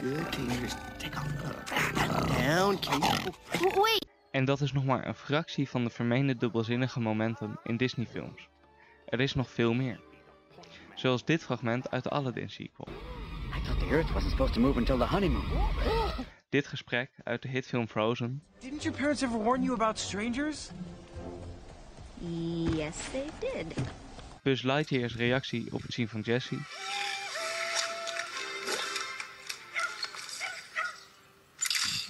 En ook de covers van de videobanden en dvd's van Disney-films zijn niet veilig. In een interview met de Huffington Post uit 2015 heeft Disney-animator Tom Saito een aantal van deze bekende voorbeelden ontkracht. Zo zou in de Leeuwenkoning-scène niet het woord seks, maar het woord SFX worden gespeld. Een subtiel grapje van het special effects team. De bobbel in de broek van de trouwambtenaar uit de Kleine Zeemermin zou gewoon zijn knie zijn geweest. En Raja zou niet hebben gezegd take off your clothes tegen Jasmine, maar take off and go tegen de tijger die op dat moment dreigend voor hem stond. Is het imago van Disney als onschuldig vermaak voor kinderen gered? Dat is de vraag. Want een quote als You know, I haven't seen this much love in a room since Narcissus discovered himself. uit de tekenfilm Hercules valt natuurlijk niet te ontkennen. Just no telling how far I'll go. Maarten, ik eh, kijk nu even naar jou, aangezien ik denk dat jij meer Disney-films hebt gezien dan, dan Vincent. Nou, dat denk ik niet hoor. Maar, Nee? ehm, eh, maar dit, dit is een beetje volgens mij in, in, in, in lijn met wat ik wil beweren. Van, het is, Oh, ook in mijn lijn. Ja, dat wordt Het is interessant.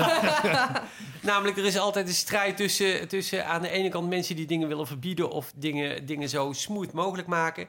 En mensen die dan toch via allerlei kanalen dingen weten te verspreiden. Of in in teksten die er zijn allemaal dingen lezen die er niet helemaal niet in bedoeld zijn, maar die zij erin willen zien. Eh, nog niet eens per se in zien, maar in willen zien. Nou, vol- volgens mij is dat de hele tijd de strijd. Ja, en dit die, dit is- van alle tijden en dat zal zo blijven. Nee, mooi gemaakt Marijn. Dit is een mooi voorbeeld van een dirty mind is a joy forever. Hè? Als je in alles, eh, alles iets valligs wil gaan zien of wat dan ook... dan kom je het inderdaad overal zou je dat wel tegenkomen. En het, het, het is hetzelfde soort denken wat je juist ziet... bij de moraalridders die altijd verwijzen naar allemaal die kwalijke media-uitingen... dat kinderen dat niet mogen zien... Want stel je voor dat het wel waar is. Ja, wat dan? Hè, er staat seks in, ergens in de wolken geschreven. Gaan we dan een twaalfjarige als horde geile pubers eh, naar buiten rennen... omdat je het woord seks hebt gezien? Dat slaat natuurlijk helemaal nergens op. En trouwens, als je dit serieus zou nemen... even terug naar de kijkwijzer... en je zou zien eh, man met erectie... moet er dan ook een seks-icoontje bij komen? Nee. Uh, kortom, het- dit is een mooi bewijs over hoe uh, je niet op kwanti, zelfs in de kwantificeerbaarheid van bepaalde uitingen, je ook nog allemaal gelaagdheden daarin kan hebben, dat je daar niet bepaalde conclusies aan kan Oh, trekken op die over. Ja, nee, nee, en ja. leeftijd. Nou ja, dat ben, dat, dat ben ik natuurlijk wel met je eens. Dat ben ik wel met je eens. Maar goed, volgens mij waren we daar al uit dat die, dat die, eh, eh, die kwalificaties en de, de, de leeftijdsgrenzen die je daaraan, eh, die je daaraan verbindt, dat die altijd arbitrair zijn. Wat niet Dus- wil zeggen dat het helemaal waardeloos is. En nogmaals, ja, ik val in herhaling, maar het, het is voor mij een beginpunt van een discussie meer dan dat het een eindpunt eh, eh, moet zijn. En, en om ter geruststelling, dat eindpunt zal het in de praktijk gewoon nooit zijn. Maar vind je niet, even een klein zijstapje hoor, waar ik me net bedenk. Kijk, die categorieën die we hebben bij de kijkwijzer, die gaan dan over pesten en geweld en seks. En daar kan ik me best wel iets bij voorstellen hoor. Dat je niet een vijfjarige naar een of andere eh, bloederige scène moet laten kijken. Maar zijn er niet veel mooiere categorieën te verzinnen die je wel op eh, dit soort Hollywood-films zou willen plakken, op deze Disney-films? Namelijk de verbeelding van de romantische liefde die hier getoond wordt, eh, is onwaarachtig. De meeste relaties gaan uiteindelijk uit. Het kapitalistische wereld waarin we het grote geluk zit en het materiële is niet waar. Als we langs dat soort lijnen, eh, categorieën... Je kijkt me echt heel zorgelijk aan, Frederik. Dat, ik denk als je wil nadenken... De, de traditie waarin wij allebei zijn opgeleid, Frederik eh, en ik... eh, bij Maarten... als, als, als, als uiteindelijk van een cult- nee, maar vanuit een idee van een soort cultural studies benadering. Kijk, ik, de kwalijke invloed van televisie of film of games of wat dan ook zit hem niet zozeer in die shockreactie die je kan hebben of het trauma. Maar ik geloof wel dat er een weerspiegeling is van de wereld of hoe het geluk gevonden moet worden in de wereld, wat nogal ver af ligt van de werkelijkheid. Als je echt een discussie wil hebben over kwalijke invloed eh, van, van televisie en film, zit hem dat veel meer in dat soort thema's dan dat het zit in een keer een blote tiet te zien krijgen. Nou, ik vind wel in zekere zin dat je gelijk hebt als in ehm, dat meiden en vrouwen van mijn, rond mijn leeftijd, dus 21, 22, zo, zo aan. En als je aan hen vraagt van geloof jij in een one true love of een prins op het witte paard? En degene die ja zeggen, zullen allemaal heel veel Disney films hebben gezien toen ze klein waren. Ja. Dus ha- had jij dan voorgesteld van oké, we moeten een sticker plakken op Frozen of op weet ik veel wat voor Disney film met ehm, dit is allemaal heel onwaarschijnlijk en het gaat jou nooit gebeuren. En, eh, Nee, maar als je, ik eh, vertrek vanuit de stelling. Je moet bij media-uitingen moet je aangeven waar de kwalijke gevolgen in zitten Ja. van dit soort dingen. Ik ben er helemaal niet voor, maar als je dat al vindt, dan vind ik wel dat je andere categorieën moet gaan hanteren. Eh, de, de fysieke schoonheid, de, weer, de weergave van fysieke schoonheid. Over, eh, voor, voor, voor, voor jongetjes eh, die er op een bepaalde manier moeten uitzien voor meisjes. Over de romantische liefde. Het, het materiële succes, wat op een of andere manier ook leidt tot een, een, een, een mentaal geluksgevoel. Eh, dat zit in heel veel mainstream films. Zit dat natuurlijk, is dat een, een gegeven. Eh, de, happy end. Eh, en daarmee bedoel ik niet. ik zie hier nu een aantal mensen. Ik bedoel daar dat een film op een positieve manier afloopt. Eh, ja, moet er dat niet bij? Dat in het leven bepaalde omstandigheden zich niet uiteindelijk ja, oplossen. maar dan haal je toch wel een beetje de- het plezier eruit, eh, Vincent. Als je dat allemaal met allemaal waarschuwingen en dingen eh, erop gaat zetten. Dan kun je net zo goed niet kijken. Dan is het alleen maar een domper. Nee, ik ging ook vertrok vanuit de gedachte... als je al iets erop zou zetten om een kwalijke invloed weer te geven... eh, en dan zou je dat soort thema's daarin moeten benoemen. Maar je moet natuurlijk, dat geldt voor heel veel dingen zo, niet alleen voor films, maar dat je toch wel bepaalde dingen in stand moet houden, willen we nog allemaal een beetje functioneren. Toch? Ja, ik vind dat je elkaar niet mag vermoorden. Eh, dat, dat, Dus geweld is één ding. Ja, en, en nou, geweld als oplossing. Ik zou het veel interessanter vinden. In deze film wordt geweld als oplossing gepresenteerd. Eh, maar daar, in die, die subcategorieën zijn er niet. Terwijl ik in sommige films eh, geweld een hele zinnige daad vind eh, dat dat heeft plaatsgevonden. De meeste oorlogs- of heroïsche films die we.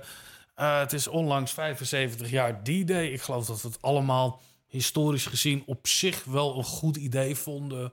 Eh, dat eh, eh, Nazi-Duitsland op een gegeven moment omvergeworpen is. Al heb ik het idee dat er nu partijen zijn die er anders over denken.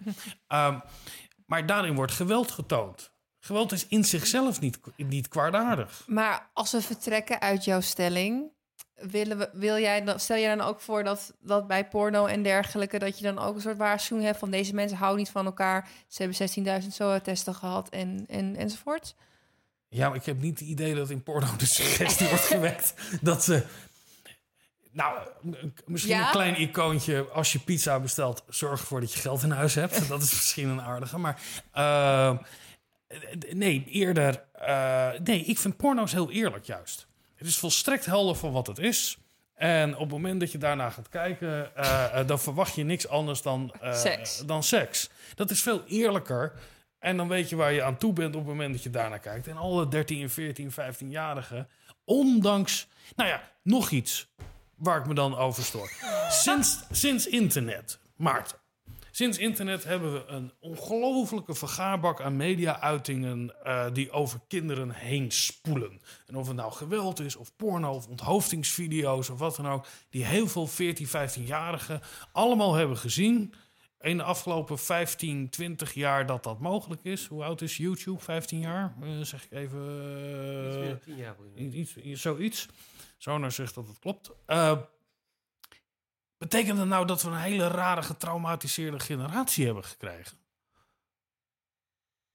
Heb je het nu over millennials? Ja, zijn Ja. dat nou, zijn die allemaal nou dat, eh, eh, zoveel anders omdat ze niet die waarschuwing hebben gekregen dat ze wel die toegang hadden tot dat soort media-uitingen?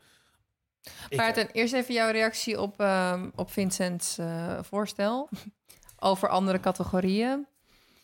Eh, Vind je dat hij gelijk daarin heeft? Dat, dat je ook het van de andere kant mag belichten als je, als je dan al een systeem hebt, systeem hebt zoals de kijkwijzer? Ehm,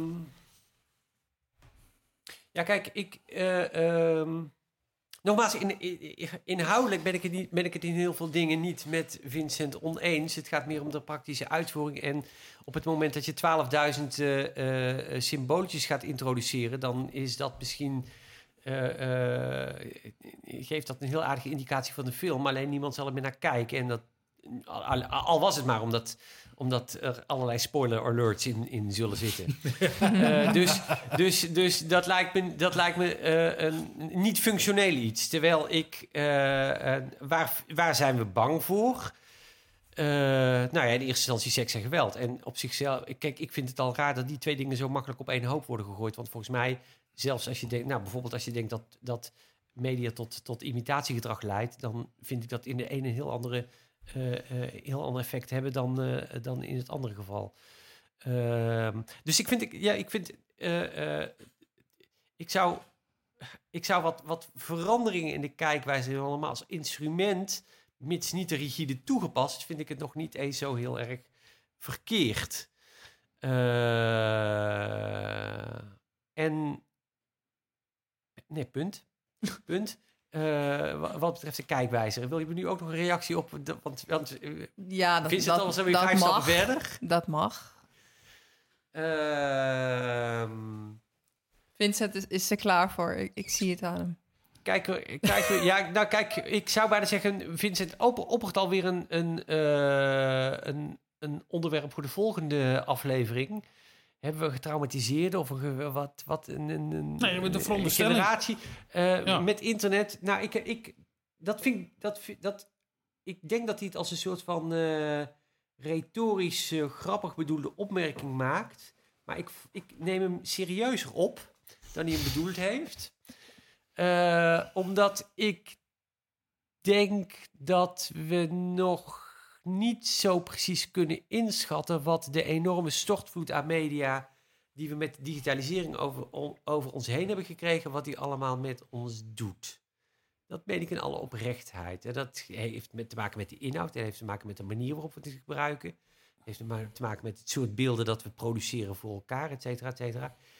Ik denk, het zou me niks verbazen wanneer we over 50 jaar in de communicatiewetenschap of de media- en cultuurwetenschap op deze tijd gaan terugkijken als een tijd die meer impact had, waarin de media meer en op een andere manier gingen functioneren dan we ooit dachten. En dan heb ik het nog niet eens over Trump, dan, maar gewoon over, zelfs over het microniveau. En ik kan dat nu nog moeilijk inschatten. Ik- ik- maar er zijn wel dingen waar ik over nadenk. Eigenlijk, met je, eigenlijk wel met je eens.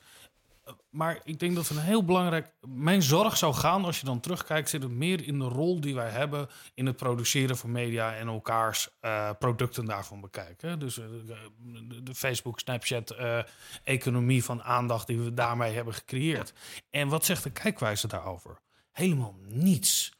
We hebben geen enkel systeem die op dit op enige wijze weet te, te organiseren of te waarschuwen. Anders dan een, nou ja, eerste stappen die er worden gezet in het eh, spreken over mediawijsheid, om mensen daarin te begeleiden. Dus ik zie het meer als een argument om te zeggen, als we ons echt zorgen moeten maken over iets, hoe mensen zich ontwikkelen in een hele belangrijke fase van je leven, 13, 14, 15, 16, 17, waarin je identiteit vormt. En die identiteit vorm je ook nog eens een keer in een online persona. En je, moet daar, je krijgt daar plusjes en minnetjes voor eigenlijk, continu de hele dag. Ja, daar kan, ik me, daar, daar, daar, daar kan ik je wel een hand geven daarin. Daar moeten we eens een keer goed met elkaar over na blijven denken. Wat is daar de betekenis van? Ja, met, maar, maar, maar dat betekent dat ik dus zou pleiten... Maar dat gaat dus niet over blootstelling aan bepaalde media-uitingen. Het is een toegankelijkheid van bepaalde media-functionaliteiten die worden geboden. Ja, dus met andere woorden, ik zou hopen. Eh, want voordat we het met elkaar eens worden, zal ik even zorgen dat het niet gaat gebeuren. Eh, ik, ik, zou ervoor, ik, ik zou hopen dat we met mediawetenschappers en communicatiewetenschappers eh, nadenken over, nou ja, over die impact van die media en wat media met ons doet en wat het betekent om in media te leven, om de, de, de, de term van Mark Deuze maar, maar even te, erin te gooien. Wat dat voor ons betekent en dat we, en dat we dat we toegaan naar het denken over een kijkwijzer 5.0. Nogmaals, niet weer om als een soort van eh, eh, tot hier en niet verder, of een soort van iets wat, maar om, om, om, om ons om na te denken over, hoe, over wat media ten positieve en ten negatieve kan doen. Ik zit even te denken En- hoe dat en- en- en-. En die, en die kijkwijzer, kijkwijzer, kijkwijzer 5.0, die is inderdaad, daar is de kijkwijzer 1.0, of de kijkwijzer waar we nu mee zitten, ik weet niet, volgens mij heeft hij niet in het getal, is daar nog kinderspel bij, denk ik. Ja, en ik, ik, Want de rol van de media wordt alleen natuurlijk maar groter op van allerlei manieren en veel meer, met veel meer impact dan we ooit aan het begin van de 20e eeuw, toen we film kregen en, en andere massamedia kregen en dachten dat we toen in een nieuwe tijd waren beland, eh, eh, wat, wat achteraf peanuts zal blijken te zijn geweest. Ik eh, hoor hier hele nuttige eindstatements. Ja? Vind je wat fijn dat je het ja, nuttig vindt. goed, ja, hè? Ja, dat, eh, Ehm, laten we even overgaan op de vraag. ja. Laten we met jou beginnen, Vincent. Maar ik wil dat je begint met de zin van leeftijdskwalificatie. Oh, dit is een hele belangrijke zin voor eh, Mhm. leeftijdskwalificaties. Dat is namelijk dezelfde zin die eh, eh, houdbaarheid heeft op melkpakken. Namelijk, je hebt voor jezelf... Ik gooi ook wel eens melkpakken weg, omdat die over datum is een dag. Terwijl ik niet heb geroken, niet heb geproefd of wat dan ook. Daar hoef ik niet over na te denken. Dat voedt mijn luiheid. Dat is de kijkwijze ook voor ouders. Het voedt je luiheid als ouder. eh, waarin je je verantwoordelijkheid ergens anders legt op een systeem wat op geen enkele wijze een, een, ook maar evidentie heeft of een categorisering waar we wat aan hebben. Maar waarin je toch een redelijk goed gevoel van veiligheid over jezelf kan hebben of over je eigen functioneren als ouder. Dat is de zin van het systeem. Nou, de onzin van leeftijdskwalificatie hebben we eigenlijk al meerdere keren van je gehoord. Wil je het nog een keer beknopt samenvatten voor ons of gaat dat niet lukken? Het werkt niet. het, het, het, het lost geen. eh, we hebben niet minder getraumatiseerde kinderen erdoor. Eh, ouders worden niet meer betrokken in de belevingswereld van het in-media-leven, zoals Mark dat zegt. Eh, de categorisering of die icoontjes die we daarbij hebben gehad, zijn heel erg horen bij een nou ja, nogal conservatief wereldbeeld waarin dat soort of seks en geweld altijd als bedreiging moeten worden gezien. En als laatste, en dat hebben we als laatste besproken, er zijn wezenlijke dingen waar je echt zorgen over kan maken over de rol van media aan de samenleving. Iets wat ik tien jaar geleden helemaal niet dacht, eh, maar waar ik nu echt wel van overtuigd ben dat dat zorg oproept. Eh, daar moeten we het over hebben. En dan in zo'n leeftijdskwalificatie en categorietjes die we daarbij hebben, daar gaan we dan over hebben hoe we dat op YouTube kunnen introduceren. Terwijl we een hele andere discussie zouden moeten hebben. Maarten, de, de zin. We zijn het bijna... Over, over alle andere dingen zijn we het eens. Behalve over de kijkcijfer, daar gaan we het niet over eens worden. En je ziet nu tot aan het eind dat Vincent erin blijft volharden... in het eh, vinden van werkelijk briljante analogieën... om vervolgens de plank volstrekt mis te slaan. Eh, namelijk de analogie met de melkpak die ik nog niet had bedacht... is werkelijk briljant. Wat Vincent dus eigenlijk wil, is dat hij morgen in de Albert Heijn komt... en er staan willekeurig mailpakken van drie jaar geleden, drie maanden geleden... de- van die nog tijden meegaan, wat dan ook. En hij pakt daar gewoon willekeurig wat uit. hij is on- er een melkproducent heeft vind toch geen belang bij, ik vind net het als een mediaproducent Heel doet. erg handig dat als ik morgen in de Albert Heijn kom... dat er een melkpak staat met een datum. Dan nog blijf ik nadenken. Dan nog ruik ik misschien even als het in de richting van de, van de einddatum komt. Maar het is voor mij een heel handige begin van een aanwijzing... die ik niet zou willen missen. Frederik, wat vind jij? Ehm, ik vind heel veel dingen. Ik ben niet zozeer eens met al. je- Ik, ik Maar moet jij bent van de generatie. Ja, eh, ik jij kijkt al tien jaar jouw ik ben YouTube. getraumatiseerd volgens Ja, jou. Op je veertien heb jij dingen gezien die, ja, die je niet, nooit meer kan, kan onzien. Ja nee. Ik heb toen ik heel klein was, Ja. eh, dus acht of zo, toen ging ik, eh, ging was I Am Legend op tv. Weet je, met Will Smith. Ja. En dat zijn dus van die zombies. Een van de eerste echte succesvolle zombiefilms, volgens mij. En die zijn heel eng. En, ik, en mam, mijn moeder zegt, ga maar naar boven. Dat is, dat is veel te eng voor jou. Ben ik alsnog naar beneden gegaan en heel erg zeg maar, zo achter de bank gesneakt om toch te kunnen kijken. Want zij waren zo gebiologeerd door die film dat ze mij niet hoorden de trap afkomen. En daar heb ik als tot een tijdje terug nog wel dat ik dacht van, nou, dat was heel intens. Maar toen ik, heb ik hem nog een keer gekeken en vond ik hem helemaal niet eng. Maar online media, zoals YouTube-filmpjes of wat dan ook. eh, Totaal niet. toch geen, geen... Ja, maar kijk, als ik getrouwd bij de Seert zou zijn, zou ik dat Ja, maar dat je dingen hebt weten? gezien waar je van dacht, dat is ongepast. Ja, ik, ja die, die filmpjes van, van IS, maar dat, dat spreekt voor zich, toch? Dat vind ik nog steeds best wel heftige filmpjes Nee, eigenlijk. maar dat, ja. dat spreekt voor zich dat het intens, heftig is en dat het Ja, maar eigenlijk zag niet je op kan. een hele jonge leeftijd dan. Ja, hoe- Ja. Vind Nee, je maar- 19 jong? Of? Ja, nee. We hebben het dan over voor je achttiende. Ik Ja. vind wel dat IS, die hadden Dabiq, dat is zo'n mediacentrum, die hadden daar toch best wel een, eh, een klein kijkwijze icoontje op kunnen plakken. Eh, Nee, maar ehm, de zin, ehm, ik ben het eh, met jullie allebei eens. Ik ben het voornamelijk, denk, denk ik, dan met jou oneens. Want zo ba- bang ben ik niet voor de toekomst. Voor personalisering en, en nou, misschien wel voor Thierry Baudet, maar dat is nog weer voor een andere aflevering. Ehm, maar ik, meerdere mate tijdens deze aflevering kreeg ik een soort van woord antichrist in mijn hoofd. Omdat je echt gewoon een diepe... Misschien dat er een, zit er een, een persoonlijke reden achter deze eh, monologen achter elkaar, nou, ik stel voor dat we dit in de show notes, zal ik een, een linkje opnemen waar ik een klein verhaal zal vertellen daarover. Eh, nee hoor, dit is gewoon eh, een... nee, er zit geen persoonlijke grudge achter. nou, ik ben vrij neutraal. Ik vind de kijkwijze prima. Als we de kijkwijze veranderen, Ah, vind ik dat ook prima. Dat, ehm, Weet je, ehm, ik zie het gevaar allemaal niet zo.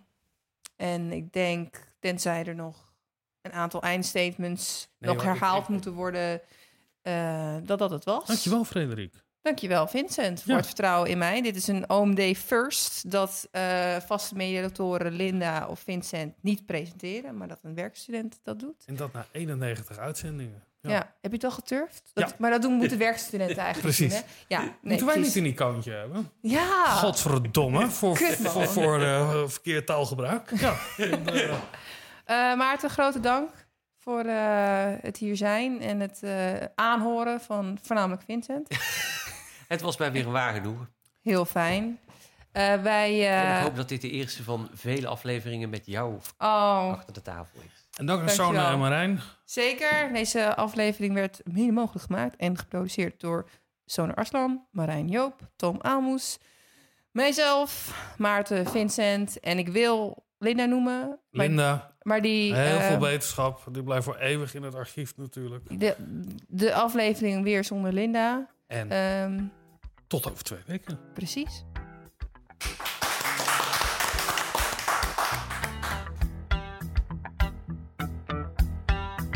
Onder Mediadoktoren is een podcast van Vincent Kronen en Linda Duits. Meer informatie vindt u op ondermediadoktoren.nl.